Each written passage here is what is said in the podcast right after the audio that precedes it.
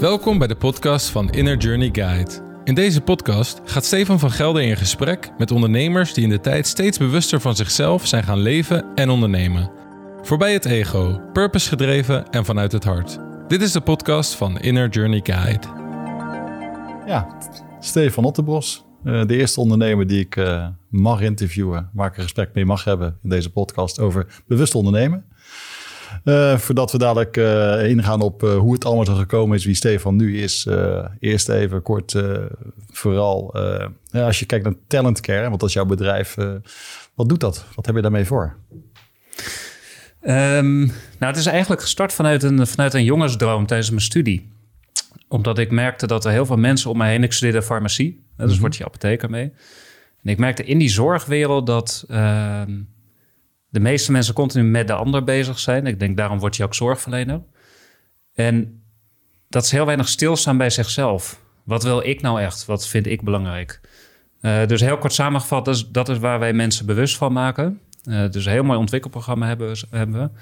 En wij werken eigenlijk door het hele land. Dus uh, de zorgverleners zijn bij ons in dienst, volgen het ontwikkelprogramma en werken in instellingen door heel Nederland. En waar kwam dat, uh, die gedachte of dat gevoel vandaan om mensen eigenlijk toch bewust te maken van wie ze zelf zijn, voordat ze aan het werk gaan? Nou, ik denk met heel veel initiatieven die je in je leven doet, dat start toch bij een soort persoonlijke crisis. Hè? Mm -hmm. Of crisis klinkt zwaar, maar ik had wel tijdens mijn studie, dat vond ik een heel erg zoektocht. Mm -hmm. Ik had een studie farmacie gekozen omdat, ik, omdat mijn moeder, die is verpleegkundige geweest en mijn buurman was ondernemer. Dus ik dacht, ik wil iets in de zorg doen en heel graag ondernemen. Dat was altijd een soort van twee rolmodellen die ik had in mijn jeugd.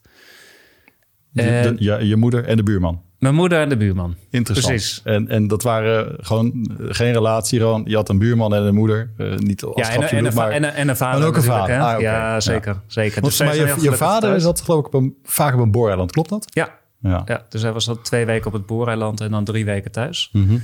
Um, en mijn moeder vertelde altijd over die zorg. Mm -hmm. Dus ook echt zo'n zorgdier in hart en nieren, zeg maar. En mijn buurman, die had het altijd over uh, de wereld een beetje mooier maken. Dus ik had hen altijd zo van, ik wil, ik wil wat in die zorg gaan veranderen. Mm. En daar had ik toen de studie farmacie voor gekozen. Mm -hmm. uh, dat bleek totaal een verkeerde keuze te zijn. Um, ja, want dat paste helemaal niet bij mij. Het is een heel analytische studie weinig communicatie, uh, helemaal geen bedrijfsmatige dingen, dat je toch wel als apotheker natuurlijk nodig hebt. Dus ik miste daar fundamenteel iets. Dus je ging met, met, met hart erin, zeg maar, in die keuze, in dat gevoel voor de, de zorg en, en het ondernemerschap. En, en de studie was alleen via het hoofd niet helemaal het middel. Toen nee, zeker. Maar ik, in jezelf. Ik, ik, kreeg er heel weinig hart voor terug, laat ik het zo zeggen. Dus ja. uh, dat leerde ik in die zin wel snel af. Maar toen begon eigenlijk mijn echte zoektocht van... wat, wat is nou eigenlijk wat ik echt wil? Mm -hmm. Ja, want het, de omgeving waar ik vandaan kom... Um, die hadden allemaal zoiets van... wow, je, je zit op de universiteit. En dat was al bijzonder in, uh, in, in mijn familie. Omdat -hmm. mijn familie zijn toch met name... Uh, toen met name meer beroepen van praktisch aard. Dus was al heel bijzonder dat ik naar de universiteit ging en apotheker werd. Mm -hmm. En de apotheker was, was een hele meneer in ons dorp, zeg maar. Um, dus ik kreeg allemaal invloeden van buiten die me weer hielden om echt keuzes te maken wat ik nou echt zelf wilde. Dus ik heb die studie wel weten door te komen, gelukkig ook afgemaakt. Mm -hmm. Dat stond mijn moeder ook op en mijn vader ook. Daar ben ik heel blij mee achteraf. Mm -hmm.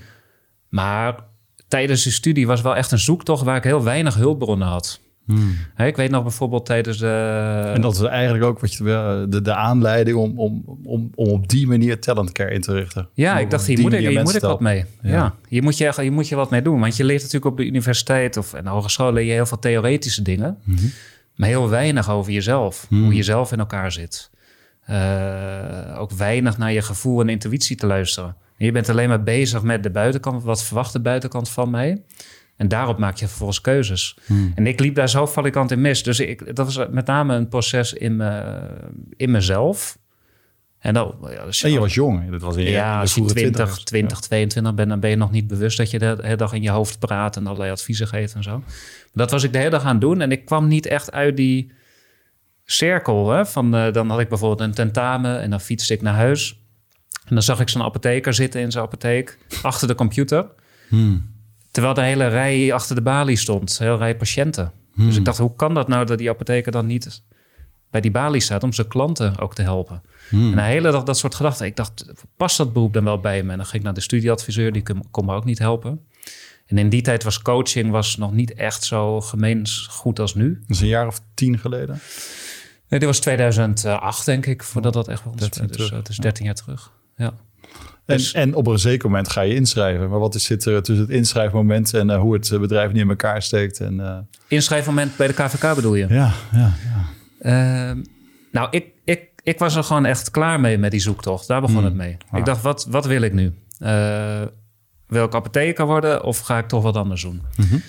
En toen heb ik een, uh, iemand ontmoet, een, een, een, ja, een, een soort coach, zeg maar. Die gaf wat wijze adviezen. En toen dacht ik, weet je, ik ga gewoon met dit idee wat ik heb, dus meer bewustzijn, meer ontwikkeling voor die zorgverlener. Want ik zag dit probleem ook om me heen overigens. Ga ik wel doen. En, uh, maar ik wist nog helemaal niet, ja, KVK-nummer had ik nodig, maar dat zie ik meer als een handeling. En dat was gewoon een, hmm. een handeling, dat vond ik allemaal niet zo spannend. En uh, Zorgkaart Nederland, alle apotheken in Nederland in kaart gebracht. Ehm, hele bestanden met studieverenigingen, alle namen van studenten, alle, alle almanakken, zeg maar, alle smoelenboeken bij elkaar gepakt.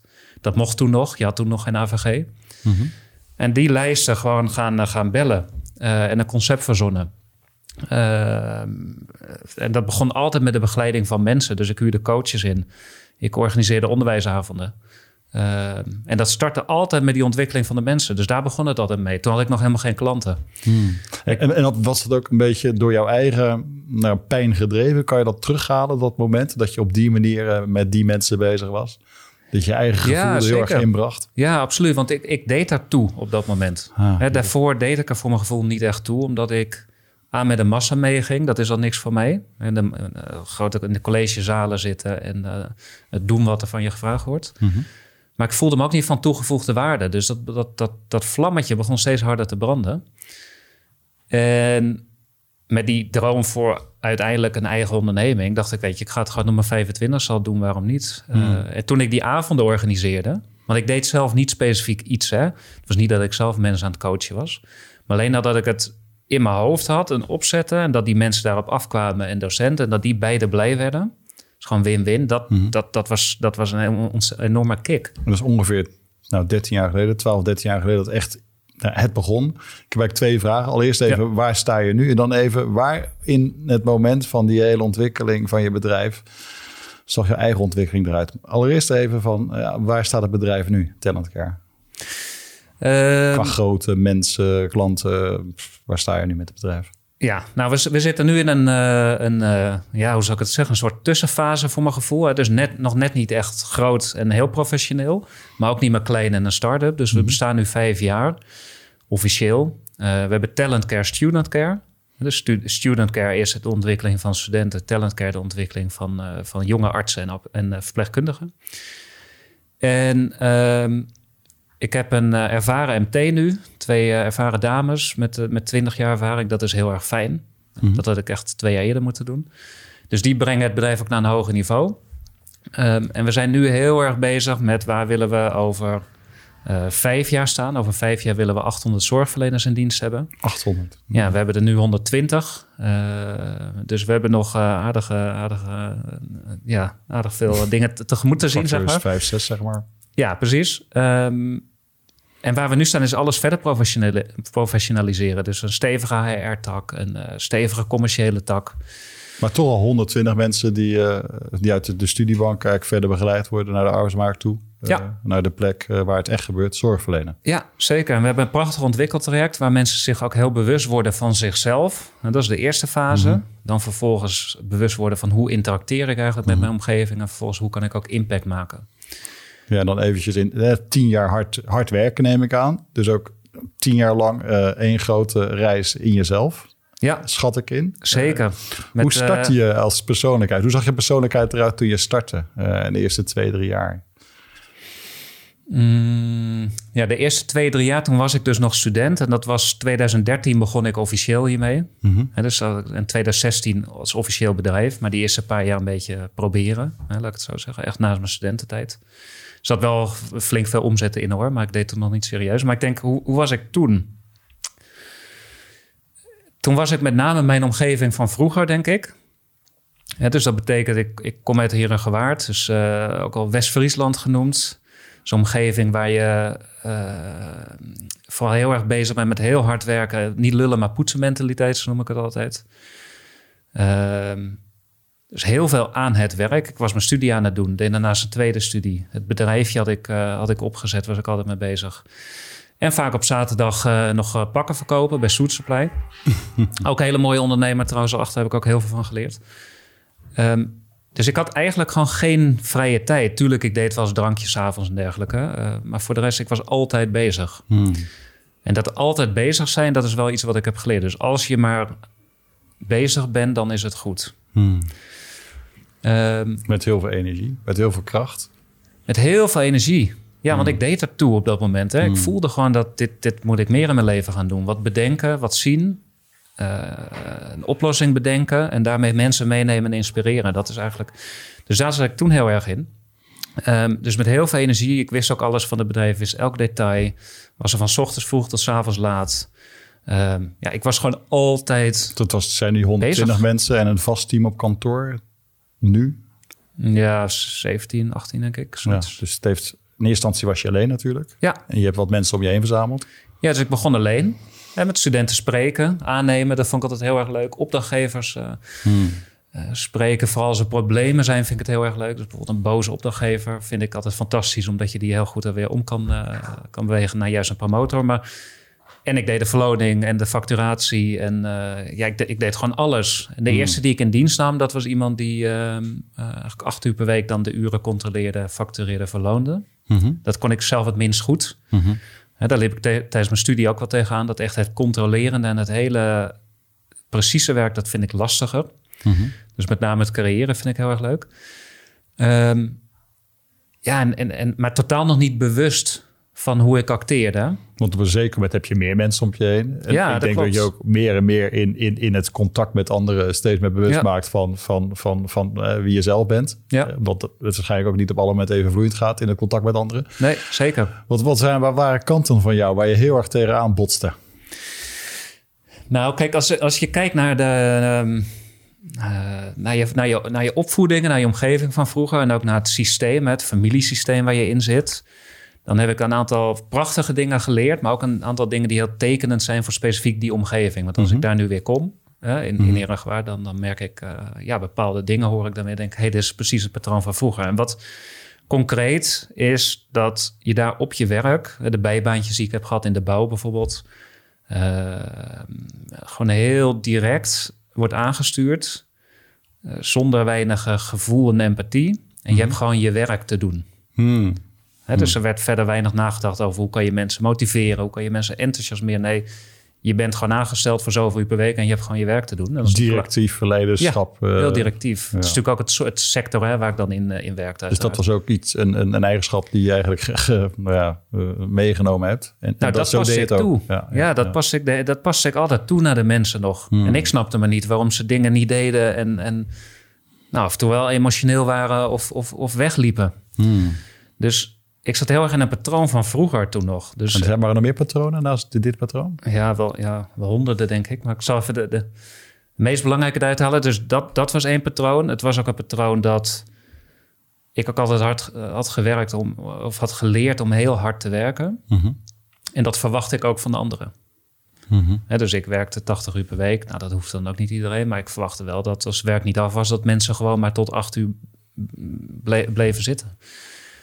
Ehm, ook het concept van mensen inwerken en begeleiden. Dat, dat kende ik helemaal niet. Maar ook, ik denk een heel belangrijk patroon ook was dat je dat ik altijd heel erg gestimuleerd werd op tekortkomingen. Hè, waarmee ik dus bedoel, ik denk, elk mens kan een aantal dingen heel goed, een aantal dingen minder goed. En ik was me heel erg bewust van de dingen die ik niet goed kon. Dus ik probeerde ook altijd van een vier een, een, een vijf minnetje te maken. En zo stuurde ik dus ook mensen aan. dus als er een bepaalde dingen heel goed waren, dat was dan goed. Maar tekortkomingen, dat moest echt beter. Hmm. En dat is wel een, nou, echt wel een patroon waar ik nog steeds wel heel bewust mee bezig moet zijn om daar niet in te belanden. Omdat dat gewoon echt, ja, eerst 18 jaar is wie ik, wie ik, wie ik ben geworden, wie ik ben. Hmm. Dus het, was, het, het, het mondde zich eigenlijk uit in een heel hoog verwachtingspatroon van de omgeving. Sturen op tekortkomingen hard werken. Hard werken, niet te veel lullen, want dat is zonde van je tijd. Veel met het hoofd, denk ik ook. Ja, helemaal, alleen maar in je hoofd. Oké. Ja, ik was toen überhaupt nog niet bij gevoel. Ik was, als je vroeg, wat voel, wat voel je nu? ik denk uh, 2014, 15, dan wist dan, ik, kon, ik kende die woorden geen eens. Hmm. Ik kende eigenlijk helemaal niet zoveel gevoelens, laat ik het zo zeggen. Tuurlijk, je, voel, je, werd wel gefrustreerd, gefrustreerd of een keer boos of uh, dingen zaten tegen. Maar echt naar binnen, dat deed ik toen helemaal niet. Ja, en dit is dus, uh, ja, hoe ik dat dan benoem in bewust ondernemen, het opbouwen van het ego, hè, als gevolg van de conditionering, een soort overlevingsmechanisme. Nou, dat brengt je ook heel ver, uh, zo'n schaduwzijde. hard werken en directief zijn. Hè? Ik weet het, ik neem de leiding. Ja. En, en, en, en, mensen volgden in die energie van jou. En het idee wat je had, want het was natuurlijk ook een mooi idee wat je had. Je kon het ook overbrengen, dus mensen liepen er wel voor. Maar jullie ook wel tegen jezelf aan, dat beschrijf je eigenlijk. Ja, zeker. Nou kijk, het, het, en dat is natuurlijk het, het interessante van dit onderwerp... is dat je wordt heel erg beloond uh, voor je ego als het ware. Of dat ego wordt continu beloond als je mm. gaat ondernemen. Want je start iets op en dan gaat het lopen. Hmm. Ja, zeg maar toen ik op het moment dat ik dat... Lopen, omzet, geld, misschien winst, geld de bank. Ja, zeker. Een enorm bedrijfje. Ja, je ziet dat, dat uh, ja, hard werken uh, loont, zeg maar. Ja. Kijk, op het moment dat je zo'n dat KVK-nummertje hebt... dat is al voor 99 van de 100 mensen denk ik heel onbegrijpelijk. Hij heeft zijn eigen bedrijf, maar dat is eigenlijk nog niks, een KVK-nummer. Dan, dan, daarna begint het natuurlijk pas. En als je mensen in dienst krijgt, dan begint het pas. Want dan moet je jouw idee overbrengen. Maar dat ego wordt heel erg beloond de hele dag door om, ja, om, om, om hoe jij handelt en hoe je doet. Wat je zegt, uh, er komt omzet. En het, en het, zit ook in de knel, want je had er iets heel moois. Uh, je wil de zorg mooier beter maken. Klopt. En dat wilde je ook via die mensen doen. Ja. Maar dat lukte niet helemaal via jezelf naar die mensen. Nee. Omdat je dus stuk, tegen stuk het ego en conditioneringen aantikte. Ja. En kwam, de, kwam dat tot een soort hoogtepunt ergens, uh, dat het steeds erger werd? De, dat je nog meer in het hoofd zat of... of, of dacht je ook op een gegeven moment, uh, dit moet ook anders. Uh, hoe, hoe, ging dat proces? Nou, je, um, nou, dat is een heel langzaam proces. Dus het is niet in één keer heb je het licht gezien of zo en dan is het over. dat, gaat, dat gaat heel langzaam, maar het, het, groeide wel steeds meer. Um, dus het groeide met name toen we heel erg scaling up zijn gaan toepassen.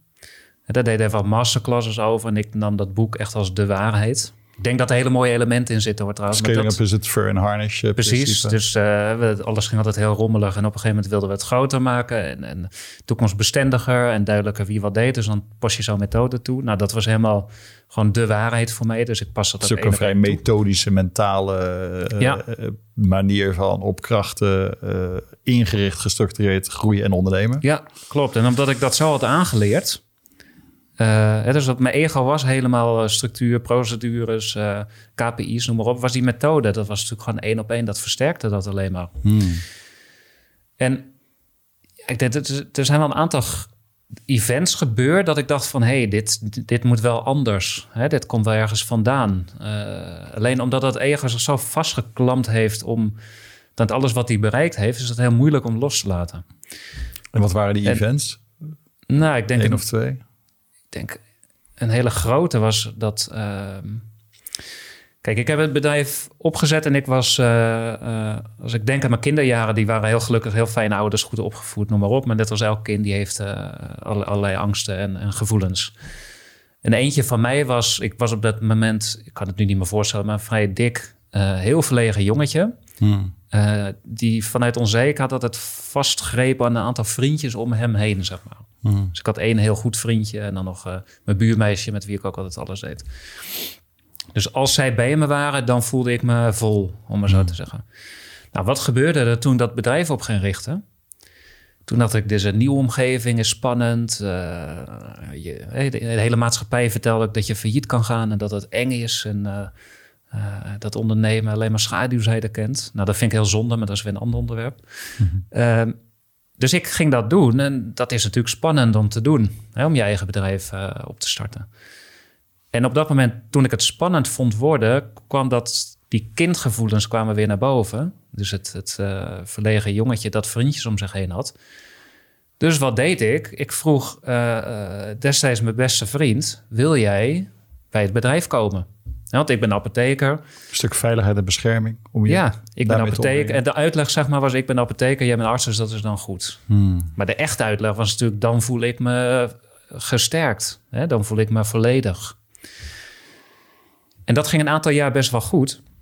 Maar je merkte gewoon dat hij heel andere ambities en dromen had. En, en ik keek nooit zo naar, naar, naar, wat mensen kunnen destijds. Maar meer naar wat, is, wat zijn mijn eigen pijnpunten of tekortkomingen. En daar zocht ik dan mensen bij.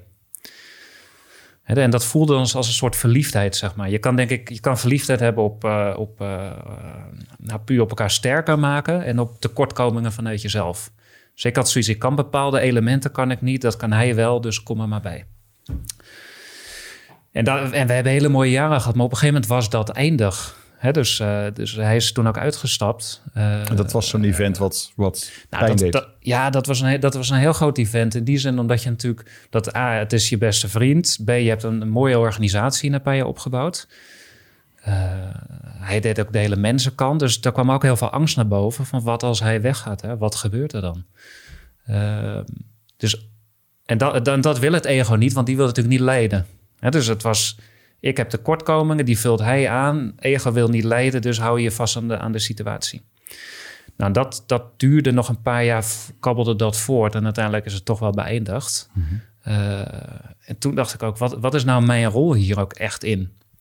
ik was daar, de jaren daarvoor ook wel aan het zelf reflecteren. Maar nu was het echt zo, wat is mijn rol hierin? En hoe kan het dat ik uh, een beste vriend hiervoor vraag. En dat het, op, hè, dat het eindigt in dat het niet lukt. Dat kan natuurlijk altijd gebeuren. En zo gebeurde er ook nog een aantal andere dingen. Wat was uiteindelijk de, de, de, conclusie uh, waar, van die reflectie? Waardoor kon dit gebeuren? Eh, dat je het allemaal zelf in de hand hebt. En dat het puur mijn eigen angst was. Van als Steven er straks alleen staat, is hij weer alleen het jongetje. Hmm. Het verlegen jongetje, die kan dat, jij kan dat niet. Uh, want jij bent niet uh, goed genoeg en je kan dat niet en je kan zus niet, je kan zo niet. Dat is een reflex geweest. Ik heb hem en nog andere familie ook aangetrokken. Mijn tante deed de catering, mijn zwager werkte. Het was een soort familiebedrijf. Dus eigenlijk je omringen met een, een veilig gezin. Een veilig gezin, ja. Een soort vroegere situatie. Ja. En in één keer, ik, ik, toen, was ik, toen was dit een beetje voorbij. Dus hij was uitgestapt. Toen liep ik uh, s ochtends in het Vondelpark een rondje hard. En in één keer had ik toen zoiets, hey, verdorie, dit is gewoon... Ik stap gewoon in een heel oud patroon. Hmm. En dan ga je het in, in het begin nog veroordelen. Dat wat je gedaan hebt. Hoe heb ik dit nou kunnen doen? Had ik dat dan niet anders kunnen zien? Nou, dan moet je dan ook weer even doorheen. En op een gegeven moment heb ik eh, door, door heel veel coaching en mentoren, noem op, een soort echt op een soort objectieve manier leren kijken naar je, naar je ego. En dus niet vanuit een oordelende manier, maar meer wat. wat uh, dan kan je er ook mee om lachen, zeg maar. Nu kan ik er mee om lachen om dat soort situaties. Hmm. Als je er weer in zat. Maar goed, daar hebben we het zo wel even over. Maar, nou ja, dus, is ook een, ze hebben elkaar natuurlijk en via de Entrepreneur Organization leren kennen, maar ook uh, dat we samen uh, na de Purpose Scan ook echt gekeken hebben naar hoe zit jij naar elkaar, hoe zit dat ego en die conditionering nu in elkaar. En het gaf ook toen ook wel inzichten en doorzichten. Maar wat heb je zelf nou echt gedaan de afgelopen nou, twee jaar om, om toch veel meer naar binnen te gaan? Mm. En weer meer naar dat eerste gevoel. Waarom heb ik dit nou? Uh, waarom wil ik dit, deze onderneming met, met deze intentie uh, groot maken? Op een andere manier met mensen. Want ik herinner me nog de gesprekken dat je toch tegen allerlei mensen aanbotste met, met uh, stukken persoonlijkheid. Die ja. best nou ja, interessant waren. Ja. ja, zeker.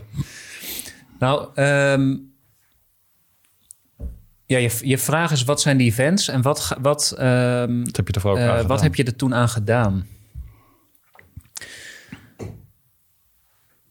Nou, kijk, het klinkt misschien gek, maar je, je, je hoeft er in die zin niet heel veel aan te doen, maar meer zijn. dus Kijk, zoiets ontstaat natuurlijk langzaam. Dus begin met dat event dat ik dacht van... hé, hey, hier, hier moet ik nu echt wat aan gaan doen. En ik ben altijd wel... Kijk, het bedrijf is natuurlijk ook gestart vanuit een, een, een, een gedachte van... ik wil zorgverleners meer bewust maken... over dat ze niet de hele dag, dag met anderen bezig zijn... maar meer ook met zichzelf. Dus wat, waar ben ik goed in en wat wil ik? Dus volgens door zo'n event... dan zit je ook in een patroon. Hè? Dan ga je nadenken... het is mijn schuld? Hoe had ik het anders kunnen doen? Uh, noem maar op. En toen ben ik gewoon heel veel gaan lezen. Ik denk dat het daarbij is gestart. Dus ik heb uh, rond die nou, 2016 ook mijn huidige vriendin en toekomstige vrouw ontmoet. Zij is ook altijd heel erg bezig met persoonlijke ontwikkeling. Zij heeft mij een soort gestimuleerd daarin ook.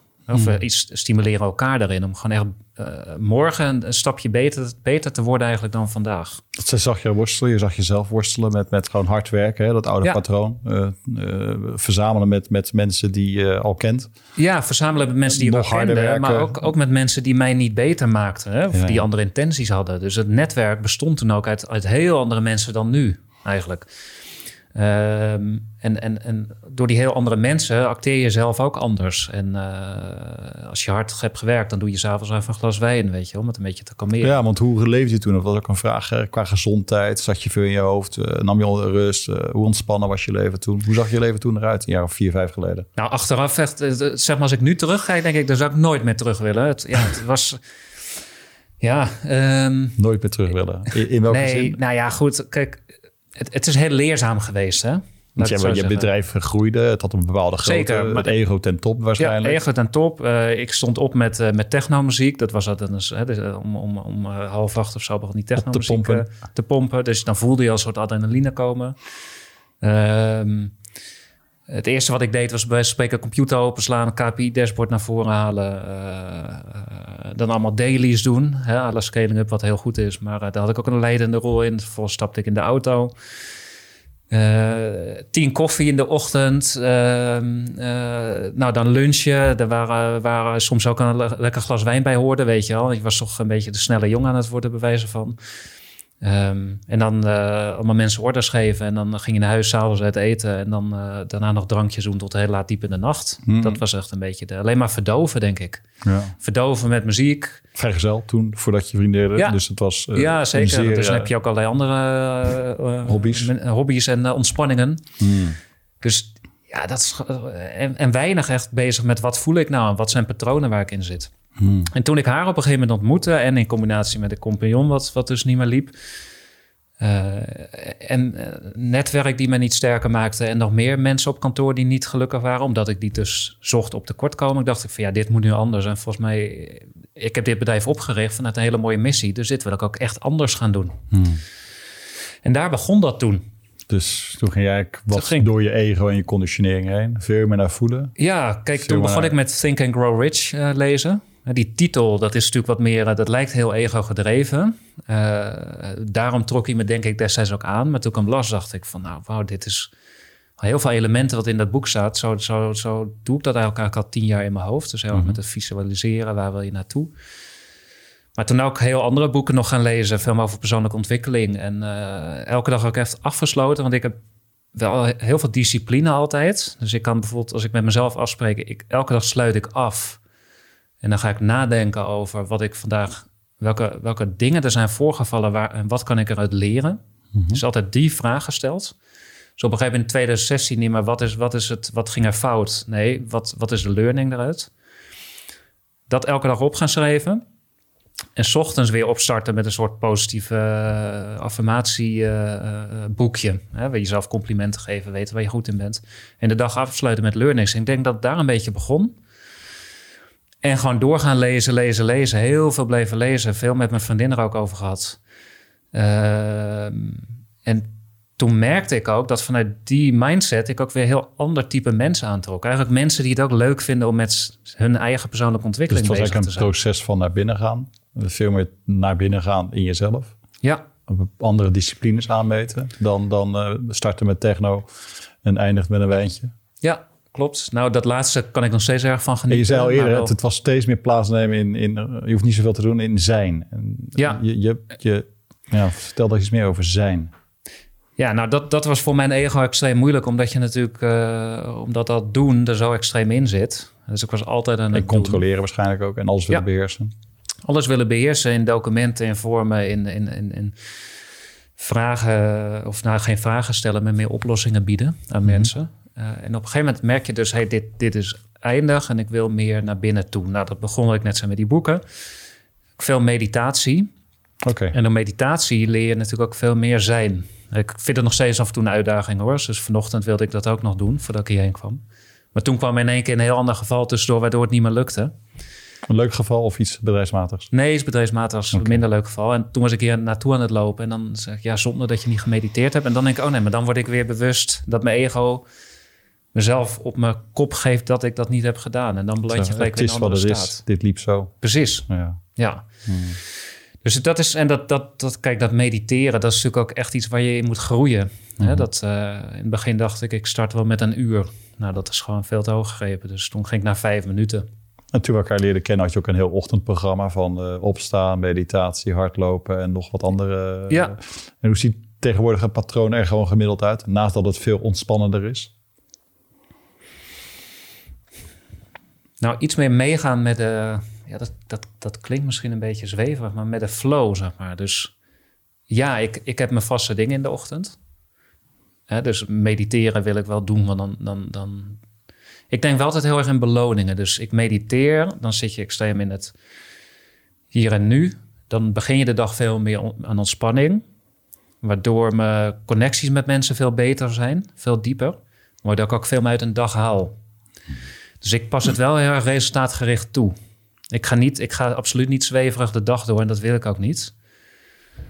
Maar je borgt jezelf in de dag, in meer in het hier en nu. Ja, precies. Meer in contact uh, met jezelf. Ja, dus het is ochtends heb ik een aantal dingen wil ik doen. Mm hè, waaronder inderdaad uh, sporten, een paar keer per week, ochtends vroeg. Dat vind ik heerlijk.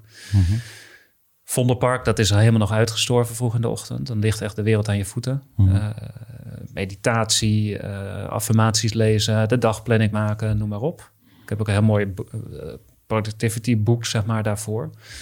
Dus dat zit er nog steeds wel in, maar minder productivity. Nou, daar, daar, dus zeg maar, dat ga je zelf allemaal vragen stellen. Dus met wie wil ik vandaag uh, echt goed gesprek hebben? Wat is mijn intentie van vandaag? Uh, Welke grotere doelen werk ik? Uh, noem maar op. Dus daarbij ben je heel erg bezig met het grote plaatje. Maar zoom je ook in van wat wil ik vandaag dan doen en bereiken. Hmm. Dus dat zit er wel heel erg in. Nou, ik hoor hele stukken uit je jeugd, je conditionering, eh, hard werken uit het hoofd, eh, druk zijn, allerlei conflicten, tegen dingen aanlopen. Eh, en hoe je dat hebt verholpen. Wat, wat, versta jij nu zelf onder bewust ondernemen? Want daar gaat deze podcast over, over bewust ondernemen. Wat versta je onder bewust ondernemen?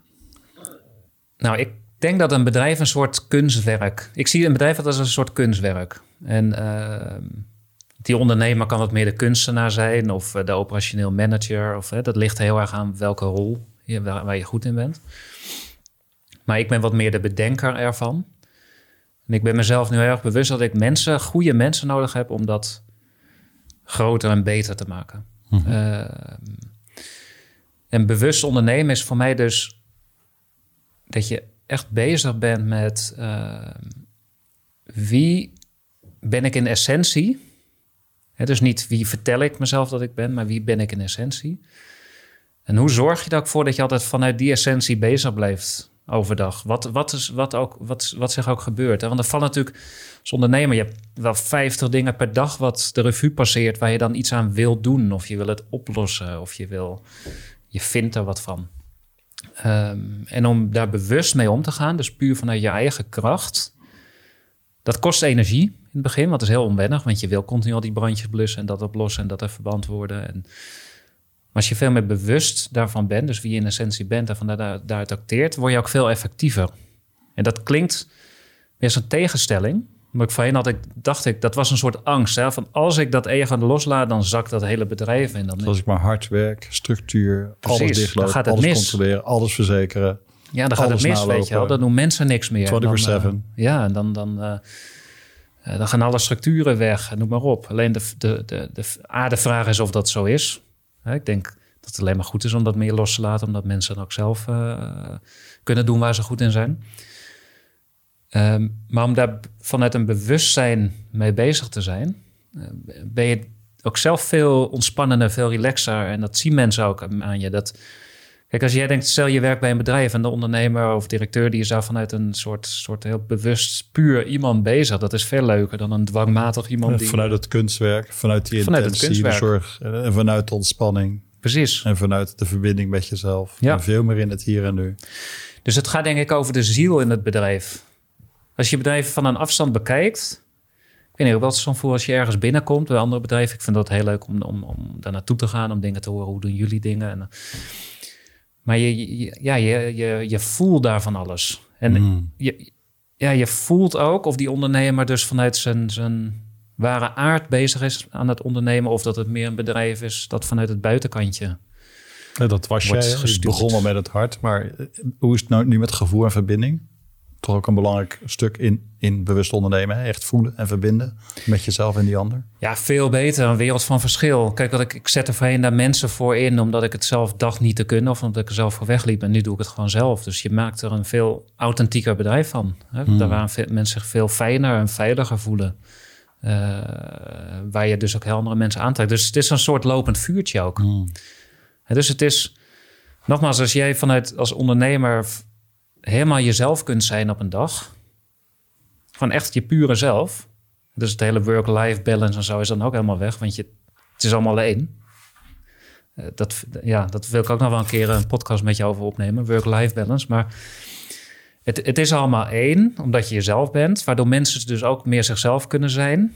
Uh, en vanuit hun pure aard bezig zijn. En, niet bezig met hoe het zou moeten zijn. Hmm. Dus wat jij zegt, jouw eigen transitie, transformatie heeft ook impact gehad op, op, op de hele aansturing eh, van mensen. En ook hoe mensen zelf kunnen zijn in jouw organisatie. Ja, ja, klopt. Wat het ook wel extra pittig kan maken voor mensen, omdat binnen heel veel bedrijven word je.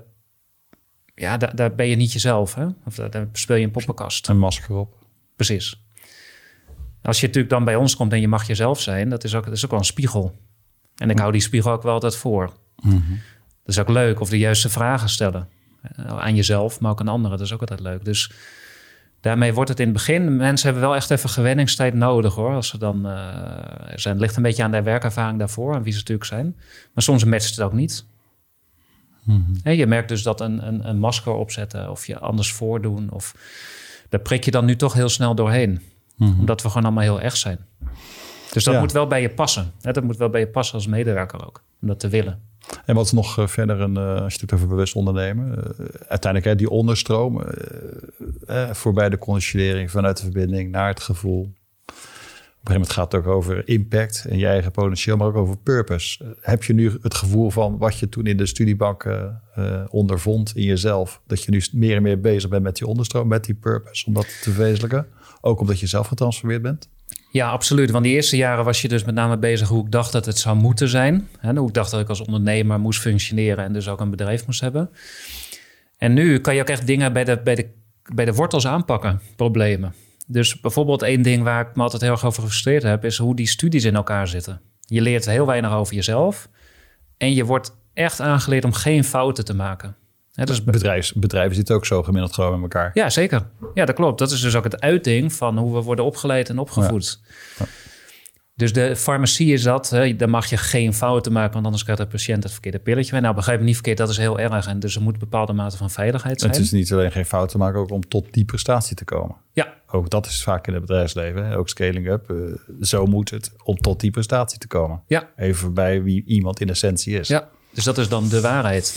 En natuurlijk artsen worden nog veel meer zo opgeleid. want als je het zo niet doet, dan kan je de patiënt schaden. Wat ook heel begrijpelijk is. Maar je ziet dat in die studies, ik denk dat bij artsen dat meer is dan bij verpleegkundigen. Uh, en apothekers is een andere groep. Maar daar word je ook, ja, dat wordt heel, je wordt heel ego-gedreven opgeleid. Dus je wordt met allerlei dingen, er komen allerlei wijsheden naar voren in die studies. Wat helemaal niet de echte maatschappij is in mijn optiek. Dus de, de, bijvoorbeeld de opleider, die, uh, die uh, internist, die vroeger met heel veel pijn en moeite de opleiding is gekomen. Uh, daar allerlei voor dingen heeft voor moeten doen, zoals leden. Hij heeft vier jaar moeten promoveren. Nou, dat, dat vinden de meesten niet heel leuk om daar te komen. Volgens in opleiding. En dan de eerste paar jaar word je echt emotioneel ja, soort afgebrand om vervolgens weer opgeleid te worden. Goede opleiders hoor, maar zo zit die geneeskunde nog wel deels in elkaar. Dus ontstaan allerlei waarheden en opvattingen over hoe het zou moeten zijn. En uiteindelijk de patiënt in, de zorg, in het zorgsysteem ondervindt daar op alle manieren weer. Ja, zeker. Hinder daarvan. En de mensen zelf ook. En ehm, dus in de oude situatie hield ik eigenlijk ook vanuit een soort scaling-up methodiek... dat, dat soort dingen ook in stand. Hè? Want het zou zo moeten zijn, want dan is het goed. Mm Nu, door de teugels iets te laten vieren... kan je ook dit soort problemen veel meer bij de wortels aanpakken. Omdat je zelf ook veel meer het voorbeeld bent van hoe het ook kan. Ja. En heb je al het gevoel dat, dat eh, die 120 mensen in die werkomgeving ook al verschillen aan het maken zijn? Voel je dingen terug? Zie je dingen terug? Dat wat jij beoogt en bedoelt ook meer en meer uh, op mensniveau eigenlijk tot grote ontwikkelingen leidt? Ja, zeker, zeker. We zien heel veel mooie voorbeelden en dat noemen we dan uh, verbeterinitiatieven. Dus dat zijn soort uitingen van dat hele ontwikkelprogramma wat we doen. Dus impact maken op je omgeving. Niet, niet ervan uitgaan dat de omgeving maar, zo, maar de omgeving is, maar vanuit je eigen kracht dingen toevoegen, waarde toevoegen. En dat, dat mondt zich uit een heel mooie initiatieven, uh, wat echt van, vanuit mensen zelf komt. En dat is zo mhm. mooi. En dat is, ook, dat is ook waarom ik dit bedrijf ooit ben opgestart. Dat, dat hoe mooi is het als je mensen in hun kracht kan zetten en, en ook echt gewoon ziet groeien een paar jaar lang. En als je zegt in je kracht zetten, wat, wat, wat, wat sta je daar dan onder? Nou, dat zit heel erg in die ontwikkelprogramma's. Dus dat begint heel erg met dat gaat ook weer bewustzijn weer, denk ik. Ja, bewustzijn. Wie ben ik in essentie? dus niet... Ik heb mijn vader, die is huisarts. Die wil heel graag dat ik de praktijk overneem. Ja, dat is allemaal... Persoonlijkheid, je jezelf vertelt dat je bent. Dus om daar voorbij te komen, daar is bij de een wat meer van nodig dan bij de ander. Uh, echt vanuit je eigen kern te gaan denken. Wie ben ik en wat past er dan bij mij? En niet eens een functie, maar wat doe ik dan op een dag? En vervolgens, wat past er dan bij mij? Wat is er mij echt op het lijf geschreven? Hmm. En dat is natuurlijk echt de kern van wat, wij, uh, wat we doen. En door zelf nu daar het rolmodel, het rolvoorbeeld in te zijn, kan ik die andere mensen daar ook weer in, uh, in meenemen natuurlijk en inspireren. En, en meet je dat ook bij je eigen mensen? Hoe, hoe ze zich voelen of zo? Of, of dat ze daar je zei het al, niet iedereen wil uh, hieraan en, en, en, niet iedereen blijft daardoor. Maar de mensen die blijven, kan je daar iets aan afmeten? Hoe ze zich voelen? Door veel bewuster met zichzelf te zijn in de dingen die ze doen? Ja, mooie KPI van Fern Harnis. nee. Ja, um, ja, tuurlijk, we meten de tevredenheid. We hmm. verzamelen feedback. We zijn Great Place to Work geworden, dus daar krijg je ook heel veel feedback uit. Dus we stimuleren, de open feedback naar elkaar geven, dat stimuleren we altijd heel erg. Dus dat is, dat is heel normaal. Als je gewoon een meeting hebt en iemand loopt daarna naar de ander. Joh, ik zag je dat doen, maar ik denk dat je het beter zo kan doen. Dus ik denk dat je het heel erg merkt aan hoeveel feedback iemand durft te geven en hoe open iemand staat voor feedback. dat, dat je daar aan, aan afmeet. Ehm, maar ook een verbeterinitiatief. Als iemand echt wat bedenkt wat van hem of haar komt en dat uitvoert, nou dat is ook een, een voorbeeld daarvan. Ehm, maar ook hoe lang mensen bij ons blijven. Hmm. de geneeskunde, verpleegkunde is toch altijd een, een sneltrein waar je heel snel weer een opleiding moet. Nu zeggen mensen wel, nou, ik neem er echt drie jaar de tijd voor. Want ik kan nu beter drie jaar heel goed over mezelf nadenken voordat ik verder ga. Dan dat ik in die sneltrein kom en een jaartje eh, heel snel anios en dan weer een opleiding ga. En samenvattend, als je denkt, ja, hoe had jouw reis eruit gezien als jij niet dat pad naar, naar transformatie, naar bewust ondernemerschap had gevonden? veel meer de verbinding met jezelf, veel meer vanuit het hart uit het hoofd, uit de conditionering voorbij het ego. Hmm. Je kan natuurlijk nooit uh, de wat als vragen, dat is een hele moeilijke vraag. Maar gevoelsmatig, die 120 naar 800, had het dan mogelijk geweest? Of echt je ja, droomleven? Zeker. Nee, ik had het dan, dan had het zeker mogelijk geweest. Alleen dan kost het jezelf veel meer energie. Mhm. Dat denk ik. Het kost nu veel minder energie, maar veel ontspannender. Dus het kost veel meer energie. En ik, ik denk wel dat je ergens, en volgens mij is dat de bekende midlife crisis, hè, die uh, volgens mij midlife, dat was oude generaties 50 en die zit nu op uh, nou, eind 30 volgens mij of zo. Maar... Ja, soms wel in eind 20. Meer, het vervroegt steeds meer. Ja, het vervroegt steeds, meer. Steeds meer mensen denken nou voor, ja, waar doe ik het eigenlijk voor? Wie ben ik eigenlijk? En ja. hoe word ik een beetje blij en gelukkig? Precies, dus ik denk dat je je die vraag dan op een gegeven moment toch af gaat stellen. En ik denk ook die 800 is niet van Weet je, als er 750 zijn, is ook goed. Dat zit niet per se in dat getal, maar meer in de, in de impact die we willen maken. Maar ik denk dat je een soort midlife crisis dan zeker krijgt. En dat je op een gegeven moment ook steeds meer vaker denkt: waar doe ik het dan voor? een interessante vraag natuurlijk. Wat is het? En wat, ja. Uh, uh, ik denk dat er heel veel lagen onder zitten. Maar, dus ik denk dat door die vraag dat je dat het, nou, het voelt veel meer fundamenteel. En, hmm. veel meer, en, en ik denk anders dat ik wel andere, een ander type mensen om me heen had. Ehm, dus ook meer met het buitenkantje bezig uh, was geweest. Ehm, en nu veel meer bewust en, en, en ja, door het leven gaat. Ik denk niet zozeer gelukkig of ongelukkig. Eh, ik hoor soms wel eens mensen zeggen: ja, ik wil, ik wil meer bewust zijn zodat ik gelukkiger word. Maar ik denk dat dat een hele moeilijke uitkomstmaat is. Want wat is gelukkig zijn? Ik denk dat soms misschien niet zo heel veel met jezelf bezig zijn of reflecteren, dat dat wel gelukkiger maakt, want het is makkelijker. Hmm. Dat heb je ook weer, dat ego hoeft niet te leiden. Want echt naar jezelf kijken. Wat zijn de grootste ontwikkelingen jezelf geweest uh, in de tijd? Hoe je toen je voelde en, en was en hoe je nu bent en je voelt? Nou, nu veel meer geaard. dingen die in mijn omgeving gebeuren, reageer ik veel minder snel op. Nog steeds wel af en toe, maar uh, minder snel dan eerst. En mijn hoofd is ook veel rustiger. Ik denk dat dat, dat, dat trouwens het allergrootste is. Dus uh, waar je voorheen allerlei dingen van jezelf moest. Dus naast hard werken moest je dat nog en dit. En ik heb nu ook wel eens gewoon een weekend uh, helemaal niks. Hmm. Dat was voorheen ondenkbaar. Hmm. Want dan was ik niet sociaal. En dan was ik niet... Dan werkte ik alleen maar. En dan uh, vonden mijn vrienden me niet leuk. Weet ik veel wat allemaal. Dat, allemaal dat soort gedachten. Maar dat is allemaal weg. Hmm. Nu dit, ja, dus nu ineens ben ik me daar bewust van. Nu je het zo vraagt. Van al die gedachten zijn weg. Het is rustiger, ontspannender. Veel rustiger. Meer verbonden met jezelf. Ja, meer verbonden en, en veel positiever ook wel. Hmm. Het is ook wel veel, dat zit in die affirmatiestuk. Jezelf ook veel meer complimenten geven in plaats van jezelf afbranden. Dus, en af en toe gewoon ook om je eigen gedachten kunnen lachen. Ja, ik denk meer dat het een soort bewustzijn wordt van ook een spier die uh, nee, gekke trekken doet. Dat doe je hersenen natuurlijk ook. Ja. Gedachten zijn heel vaak niet waar. Dus ik ben me heel erg bewust dat een gedachte ja, dan ga ik mezelf soms feitelijke vragen, vragen stellen. Wat is nou hmm. feitelijk aan de hand? Hmm. En waarom heb je die emotie? En een emotie mag ook best even zijn. Je hoeft het niet met per se op te lossen. Uh, ondergaat. Je mag het best even voelen. En welke drie zaken zou je de luisteraar niet genoeg kunnen benadrukken wanneer het gaat om bewust leven en ondernemen? Uh, nou, het heeft allereerst heel erg te maken dat uh, geloof in jezelf. Hè, dus ben niet bezig met de ander in de omgeving, noem op, maar heb echt geloof in jezelf. Mhm. dus, dus heb het moed om jezelf echt recht in de spiegel aan te durven kijken. En daar ook van te leren. Want dan wordt het, dan wordt het leven een grote leerschool. Hè? Als je van, elke leerme eh, van elk probleem een leermeester maakt, dan worden problemen leuk. Behalve als je af en toe werkt met mensen die zichzelf nog niet zo goed kennen, dan wordt het wel, hè, dan wil je daar doorheen. Maar uh, primair, als je, met, als je puur vanuit je eigen eh, invloed kijkt en je hebt allerlei problemen op een dag en je leert daar elke keer van, dan wordt dat leuk. Mhm. Dus geloof in jezelf.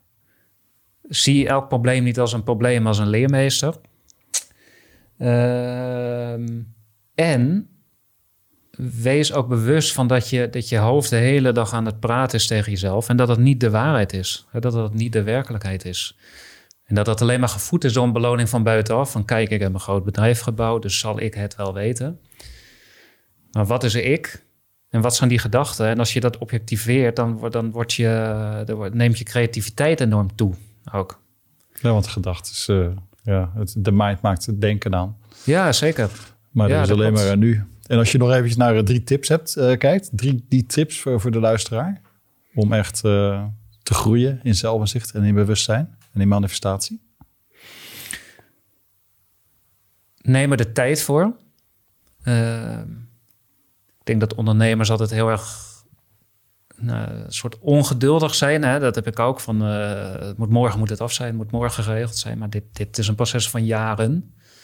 En ik ben er nu een jaar of drie, vier bewust mee bezig, maar ik heb nog heel leven voor me, zeg maar. Dus daar zie ik nu al naar uit. Dus neem echt de tijd voor. En dat heeft corona ons allen wel geleerd, denk ik. Dat er veel meer tijd is. Waarvan je van tevoren dacht, ik moet allemaal etentjes hebben. Ik moet dit, want dan is het goed. Maar nu heb je veel meer tijd. Dus het, het, het, komt met name met tijd. Dus dat is een hele belangrijke. Ehm, hoop niet op minder problemen of dat het makkelijker wordt. Maar zoek de oplossingen echt bij jezelf. Dus denk zelf na, hoe kan ik dit probleem voorkomen in de toekomst? Hoe, hoe kan ik uh, zorgen voor meer wijsheid, zodat het minder uh, moeilijk wordt? En makkelijk wordt het nooit. Je eigen leermeester weer, wat je eerder zei. Ja, precies. En, en, en um, uh, jezelf en anderen om je een heel goede vragen stellen. Hmm. Want die gedachten die gaan maar door. Dus het wordt maar, je hebt allerlei conclusies in je hoofd. Ik had voorheen wel eens voordat ik dan... Ik woon in Amsterdam, kantoor is in Bussum. En als ik in Bussum kwam, had ik al twintig conclusies getrokken, zeg maar. Terwijl dat heel vaak eh, ook niet een juiste conclusie was. Of als je met mensen ging praten, of met jezelf ging praten door jezelf vragen te stellen, dat je op heel andere uitkomsten kwam. Hmm. En dan wordt het een soort van eindeloosheid, een soort van energie die helemaal niet te stoppen is, denk ik. Uh, daar krijg je ook nog veel meer energie dan van. Hmm. Niet een hele statische mindset, maar dat je, dan zijn je gewoon echt open. Hmm. Mooi verhaal, Stefan. Dank. Nog een laatste quote. Je hebt over bewustzijn, ondernemen en bewustzijn. Uh, nou, ik vind die van, van Star Wars van Yoda heel mooi. The greatest teacher failure is. Ik heb dat nog nooit gezien overigens. Ik hou helemaal niet van Star Wars. maar die quote heb ik ook op mijn tegeltje. En dat vind ik wel een hele mooie. Dat, daar zit echt wel wat, uh, wat in. En elk besef, dat begint bij een bepaalde crisis of een bepaalde gebeurtenis. Uh, en als je daar continu je learnings uithaalt vanuit jezelf. En ook vooral niet je omgeving verantwoordelijk maakt voor je eigen gevoelens. Ja, dan, uh, dan, dan, dan wordt ondernemen gewoon nog veel leuker. En dan krijg je er nog veel meer energie van. Dankjewel. Het was uh, super fijn om uh, de eerste podcast met jou uh, op deze manier te mogen hebben. Dankjewel. Ja, dankjewel voor de uitnodiging. Een hele Leuk. mooie dag. Hetzelfde. Thanks.